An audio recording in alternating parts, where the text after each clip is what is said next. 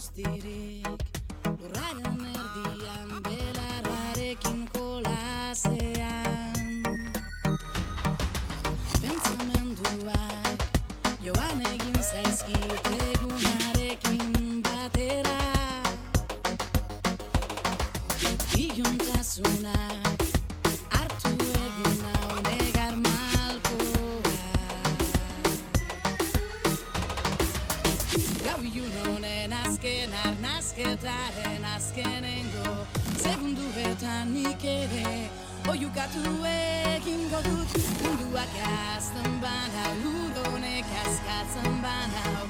Zerbait utzi beharko dut Pentsate horitan den artean Bada ez bada banoa Babagato soinu hauen bidez berriro ere beste ikasturte batez esango dugu hirugarren ikasturtez ba gure artearen txoko e, gogokoena irekitzera.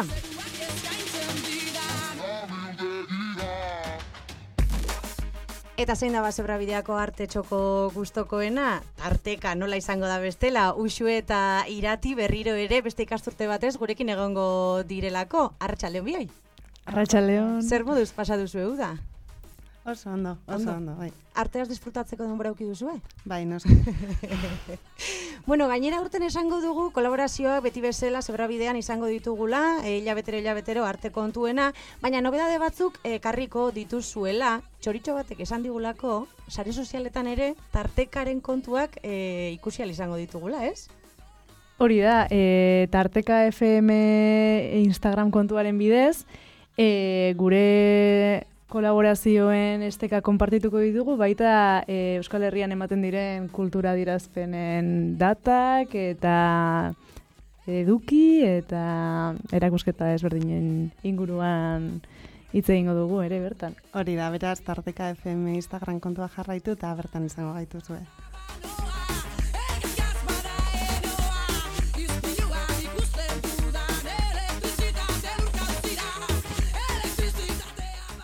Bueno, eta tarteka publi moment euki dugu, baina onderietzen baldin bazaizue, eh, helduko diogu gaurkoari, gaur ere kontu interesgarriak eh, dakartzazuelako, eta gainera, eh, bueno, urbil urbil eh, datorren eh, kontu batekin lotuta, ezta? E, bai, ala da. eta gaurgoan, ba, tripak taldeko kolektiboko barkatu e, Marina Suarez Ordize zarate daukagu mikrofonoaren beste aldean. Arratxaldeon, Marina. Arratxaldeon.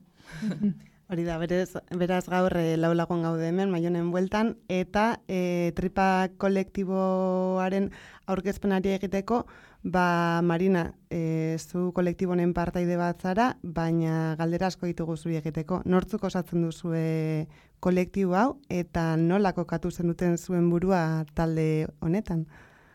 Vale, hori da, beti, hasierako galdera eh, eta ustudia badaukadala nahiko integratua. E, bai, tripak sortu zen 2008 garren urtean, eta hiru hiru lagun ginen, oso asko maite ginen, eta erabaki genuen talde bat osatzea, e, hasi ginen antzerkia egiten amengo baratzaretoan, e, sorkuntza laborategian, Eta, bueno, ba, justo garai hartan flipatu genuen antzerkiarekin eta esan genuen, ba, eski behar dugu gure kolektiboa eta gure mobidak jarri hor eta eta sortu edo zerbait egin.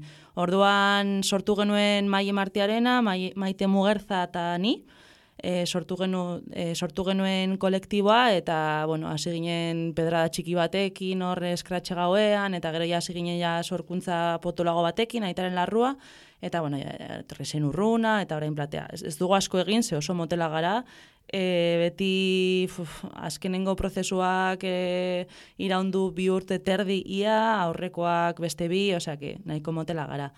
Eta, bueno, hori, sortu, gine, sortu genuen e, mai maiteketanik, eta gero sartu zen e, Andrea Berboiz, dala bebai laguna, osa dana gara como laguna, familia, olako talde berezia. Sartu zen e, bibolina jotzera eta aktuatzera bebai, eta gero, bueno, e, aktorea bihurtu da ere, eta azkenean, e, osea, kolektiboan parte bat da berdina, ez? Eta gero sartu zen, bueno, gero mai jun zen, bizitzera beste leku batera, na, na, na, na, na, eta etorri zen e, nere aizpa, Natalia Suarez ezagutzen duzuela ere, Eta orduan hoie gara, ez? Ja, uste dut, betu ditura guztiak. E, orain, e, bueno, geritza ingo dugu, baina mait, e, mai itzuli da, eta gurekin lanean jarraitzen du, así que al completo, aldea bai. Familia elkartuta berriro ere. Hori da. Eta, bueno, e, ez, entzun dugu beste elkarrizketa batzuetan, e, e, zuen helburua edo zuen erronka, badela, estenatokira tripak ateratzeko e, espazio bat sortzea, eta eta hortik da ekarri duzu izena zuen kolektibora? Ba bai. Osea, igual ez da ez zen momentu hortan oso konstiente izan, baina bai tripak etorri zen, ba hori ez, gure gogoa hori zen askenean, gure tripa, gure gauza, gure moia guztiak e, holtzan jartzea eta hortikan tripak. E, eta hori da egiten duguna, osea, eta azkenean da pasada nola azkenean e, laguna gara eta asko ezagutzen gara, e, orduan prozesuetan dana dago hor. Osea, dago e, gure maitasun guztia, gure movida, gure prozesu emozional guztiak, orduan esketripak leba pelo. bai, bai, bai, basikamente. Bai. Bai.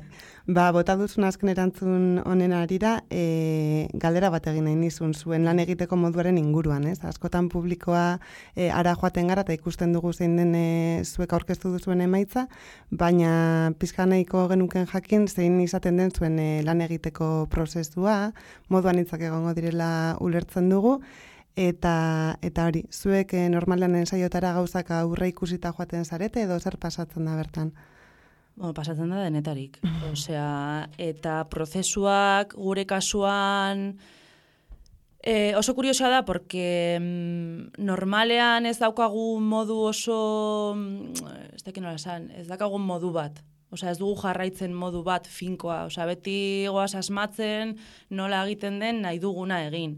Orduan, ba, baldin bakago ideiaren bat, frogatzen dugu, edo beste batek baldin bakago ideia bat frogatzen dugu, eta joaten gara hitz egiten, eta sortzen, gar, sortzen diren gaiei buruz ariketak ere proposatzen, eta ariketa horietatik, ba, ba batean sortzen da materiala eta hortikan ba soaz aukeratzen, ez? Ba, e, honek e, bai merezi du, honek ez, ba hau jontatzen badugu honekin, igual batzutan bai etortzen da e, aurre idei bat eta hori frogatzen dugu zuzenean.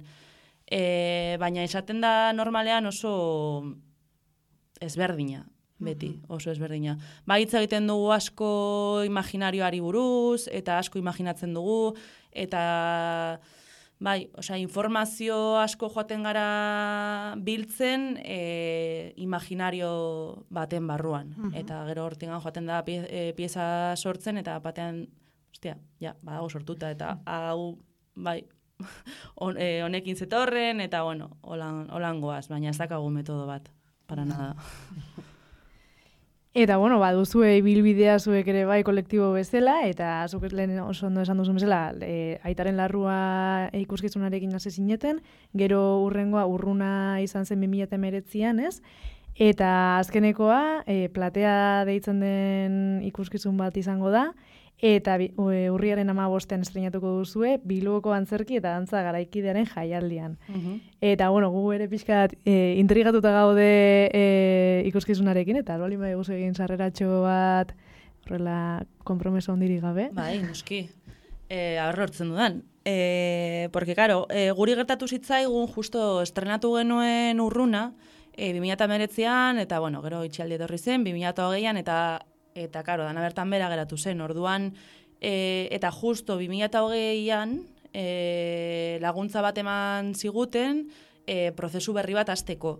Orduan, e, platea azten da e, horrekin batera, osea, ematen digute diru laguntza bat, eta ah, sortu behar dugu zerbait, pa geneukan beti daukagu e, buruan, ba, horrengo piezan behar dugu hau, edo ez dakizer, E, baina, garo, e, platea hasi zen urruna oraindik e, biran zegoenean, edo justo, bueno, itxialdian, ez?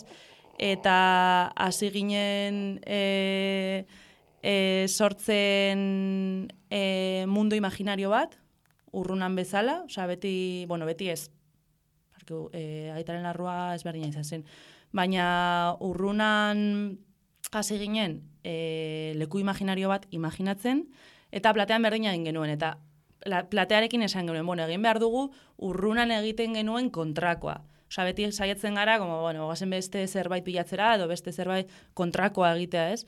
Eta konturatu gara, gauza berdinak egiten ditugula.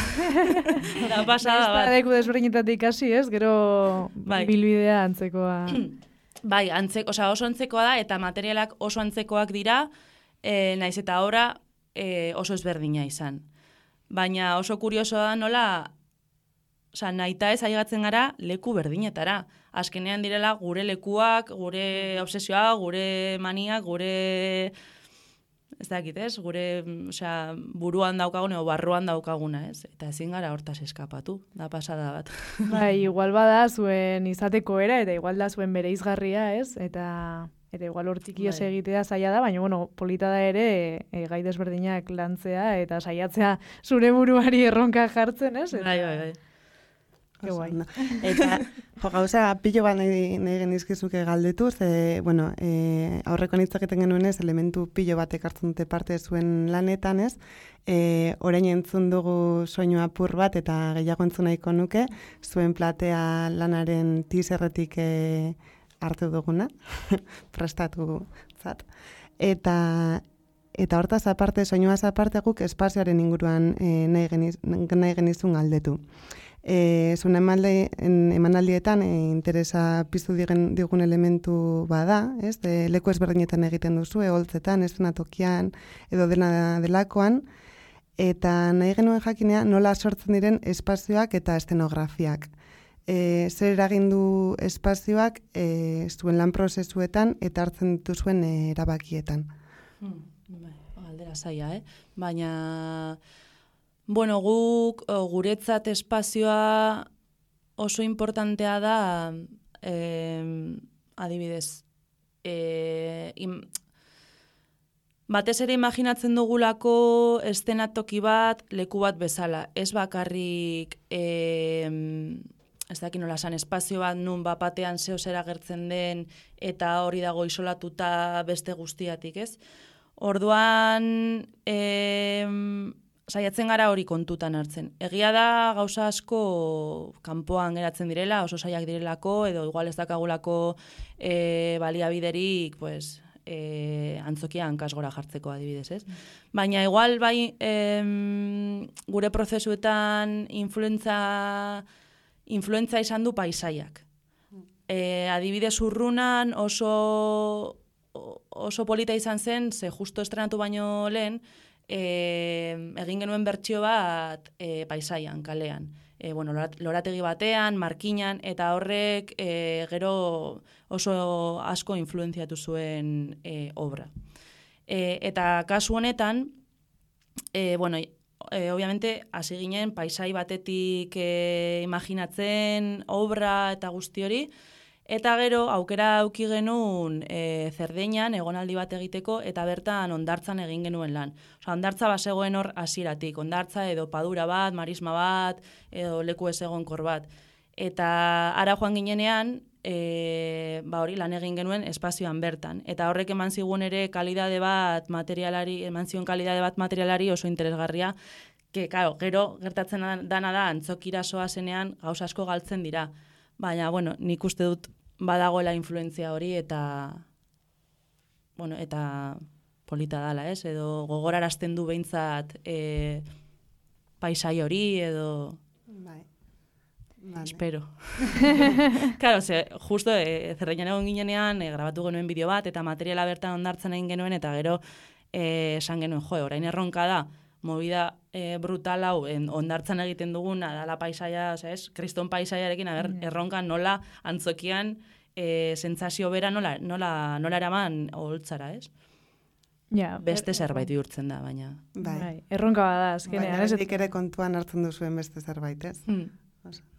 Bai, eta bueno, espa, eh, espazioekin eta paisaiekin egiten duzuen bezala, bueno, guk us- eh, objektuekin ere lan egiten duzu eta objektuak eramaten dituzue zuen obretara eta Hmm. ere gorputzarekin eta espazioarekin duen harremanean asko inziditzen duzu, ez? Eta nola gorpuzten duzue harreman hori objektu eta gorputzaren artekoa?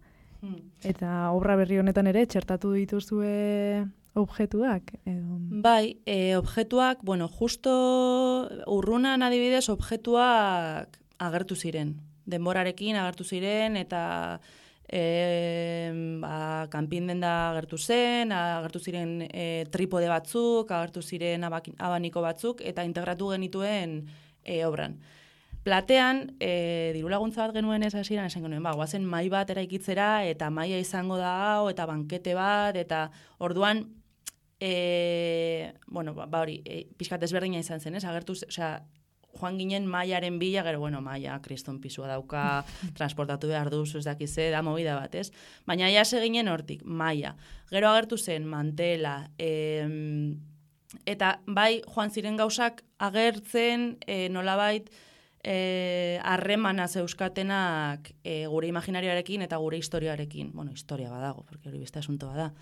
Eta agertu ziren bandeja batzuk, silla erreskoak, e, gero zerdeinan ere agertu ziren olako e, makil, e, ondartzan agertzen diren makil, e, asko, bueno, purtuak eta handia, mm. agertu ziren ere latak, e, holan, como e, ba, ondartzan aurke, aurkitzen diren hori e, elementuak, bai, mareak ekartzen dituen dituen gauzak ez. Eta azken gauza agertu zen behar genuelako espazio, osea, ja punto altu bat. Eta esan genuen, ba, venga, maia daukago, ez dakize, iaz da kotxean sartzen, baina guazen andamio bat erostera. Andamio bat? Hasi genuen andamio bat, de perdidos al río, bai.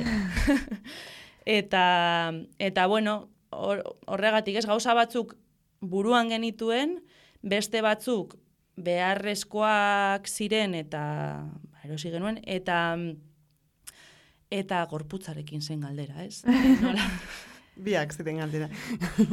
bai, Bai, bueno, ah, bai, eske, maia, e, maiarekin egin nahi genuen, e, bueno, maia nahi genuen izatea estenatokia eta berarekin jolastea agertzeko, desagertzeko, e, eta horrelako gauzak egiteko.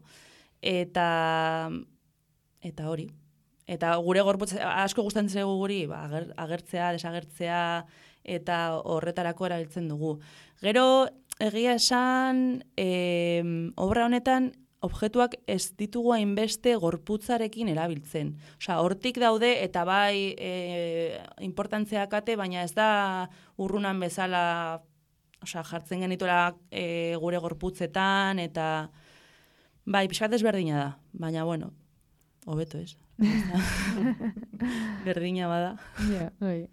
Ba, igual beste rolloa dakate. Eta orduan esan duzue, e, adibidez, zerrainan egon zinetela e, lan honi, bueno, lanaren prozesuaren momentu batean, e, markinako lorategiren batean ere, e, leku ezberdin gehiagoetatik mugitu zarete?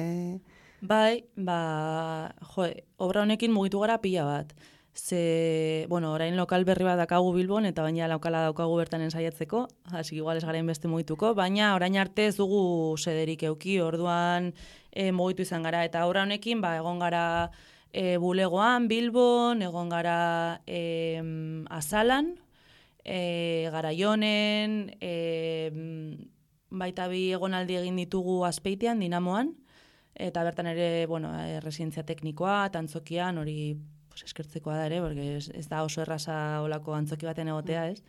E, e, zerdeinan, eta joan ginen ere l'animalera dala espazio polit bat, da hola e, gironan, e, zelan da kompainia? Ai, malpelo, konpainiak daka horre pues espazio landetxe bat, espazio handi bat, bertan saiatzeko eta gonbidatuak izan ginen, eta bertan egon ginen oso, oso gustora. Eta, ez daki beste leku batzutan egon garen, baina, bueno, baratzan ere egon gara, eta fijo hasten dudala bat emat, porque eski egon gara... Bebe, gutxe ez arrete mugitu. eski bi urte terdi, dapa, dapa mucho. Bai, bai, eta espazio ez gain ere bai, bide lagun desberdin pila bat izan dituzue, ez? Eta, eta, ba, dibidez horregon dira garazina sarri taldeko kideak, Eta, bueno, seguru gehiago egon direla, eta aipatuko dituzu batzuk. Bai, e, a ber, e, holan, bueno, e, obra hontan bai garazina ba soltzan dago ere, musika jotzen du eta eta bertan dago gurekin batera, ze guri ere gustatzen zaigu musikariak adibidez, e, osea, musikariek ez egitea musika bakarrik, baizik eta, bueno, osea, importantzia dakate e, personai moduan edo elementu, elementu bat dira, ez? Orduan, e, ba, jerarkiak pixkat apurtzeko eta eta ez izateko, hau da musikaria, hau da aktorea, hau da estenografia, gustatzen zaigu edo saiatzen gara kapa guztiak e, maila berdinean lantzen. Orduan musikaria, osea musikariak bai musika jotzen du, baina ba, bueno, beste gauzatzuk ere egiten ditu. Eta gurekin batera. Orduan bai gara sinabaz, e, gero inga zerrok egin ditu e, egonda argiekin, e, e, mai itzuli da eta onda kanpo begiradan. Eta e, bueno, obra honetan agertu ziren ere bi tipo, bapatean egin genuen e, egin genuen antzeslan edo performance txiki bat tabakalera duela e, bila dogeian. Eta bapatean jaso genuen email bat, eta haupa, Martin eta Ion gara, arkitektoa, artista, eta gustatuko leitzaiguke zuekin kolaboratzea. Hola, bapatean email bat. E, bale, eta ezagutu genituen, eta bueno, bai dakate ko, e, kooperatiba bat, haiek deitzen dana, eta eta batean egon ziren gurekin lanean, estenografiarekin, gauza konpontzen, edo gauzak asmatzen, elementuak asmatzen, eta eta beraien ideia zen, beraiek guretzako lan egin, eta gu beraientzako lan egin. Osea, nolaiteko simbiosi bat, ez? Orduan dakagu proiektu paralelo bat platearekin, dala tripa haiek, eta, bueno, ideia da, oa indikan, bueno, karo, estrenaldiarekin gaude, eta e, seguramente, ba, sarotik aurrera edo abendutik aurrera ziko gara honekin, baina ideia da, ma, e, platean materiala, e, espazio performatibo, performatiboago batera eramatea, beraiek eragiko dute olako e, goratzen zarete txikitako e, kolumpio hauek ziala tipo gaztelua, komuna kuadrikula. Bai, bai. Ba, olako estruktura batean, platean materiala bertan txertatu eta, bueno, ba, beste moia bat, igual galerietan edo e, kanpoan e, e, paisaian egiteko aukera, a ber, ez dakigu oraindik ez? Bai. Baina, bueno, hortik handoa, hortik handoa ideia. Ze ondo, ez? De repente Bai. agertu ziren eta Bai. etrein arkitekturarekin harreman. Bai, bai, da, bai, izan zen super polita, bai, bai. Opari bat, osea, bat batean bi tipo agertzea, aizuen, egu, zuei lagundu. Ja. Vale, Ze ondo. bai.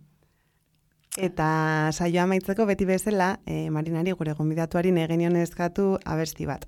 Guk badakigu ze abesti jarriko dugun, baina nahi genuen berak egitea sarrera e, badaukalako azalpen txiki bat abesti honek, eta gainera platearen bueltan da bien abesti bada, ez da? Bai, e, bueno, guri asko gustatzen zaigu kantatzea, ez gara abeslariak, baina beti e, abesten dugu o, guri horretan, eta asko gustatzen zaizkigu e, kantu polifonikoak.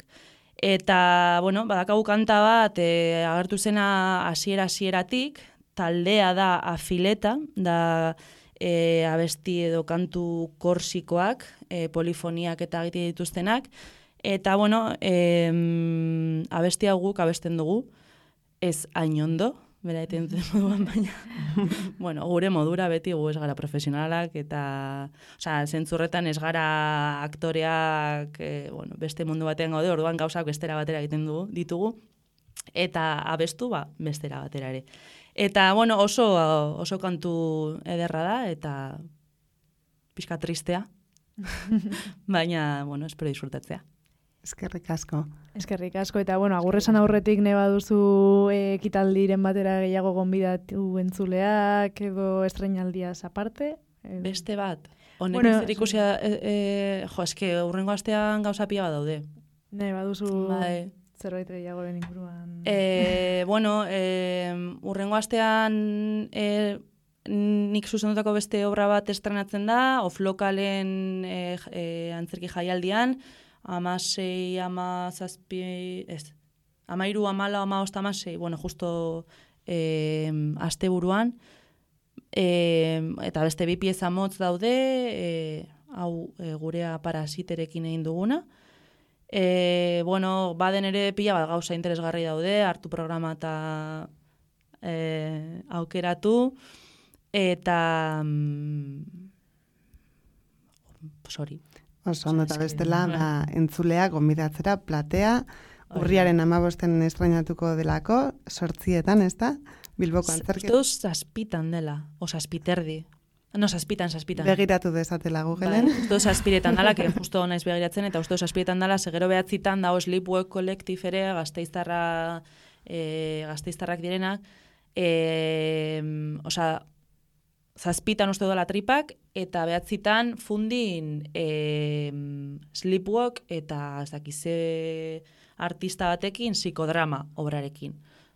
Asik ere, Komo. Bueno, ba, apuntatu da ditugu deialdi guztiak eta horrekin usten zaituzteko eta bestiarekin.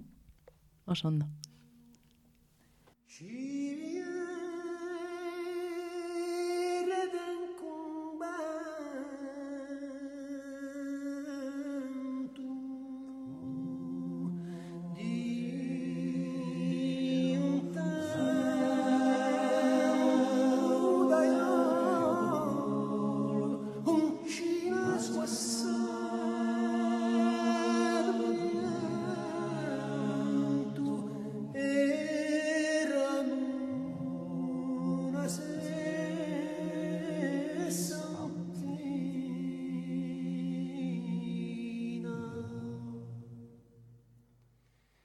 Just